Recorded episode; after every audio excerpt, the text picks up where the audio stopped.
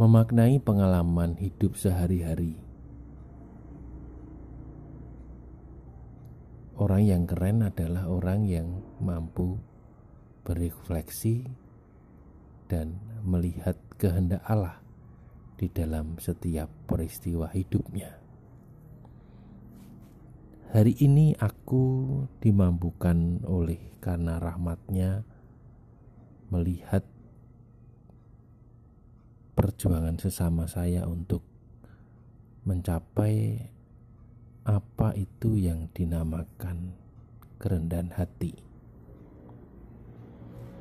Kerendahan hati menurut Bunda Teresa diupayakan salah satunya dengan mengalah terhadap kehendak atau pendapat orang lain walaupun dia sendiri sebenarnya mempunyai pendapat. Dan inilah yang aku alami, aku lihat dari sesamaku dia mengalah akan pendapat orang lain dengan sungguh dalam kesadaran dan kerelaan hati. Bagi saya ini keren. Dan bahagiaku hari ini sederhana.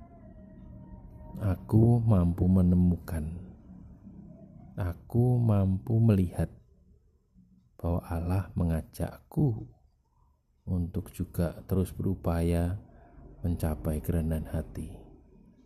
Salah satunya adalah dengan mengalah pada kehendak orang lain dan melakukan kehendak orang lain itu di dalam kesadaran dan ketulusan hati. Hidup bahagia harus kita cari dan kita minta dari Tuhan. Itu adalah pernyataan dari Santo Agustinus. Bahagiaku pagi ini sederhana karena sesamaku membelikan aku sayur pecel. Pedes guys. Ketika saya kepedesan memakannya, temanku tertawa sepuas-puasnya. Selamat pagi, mari kita ciptakan bahagia dan membahagiakan sesama. Berkah dalam.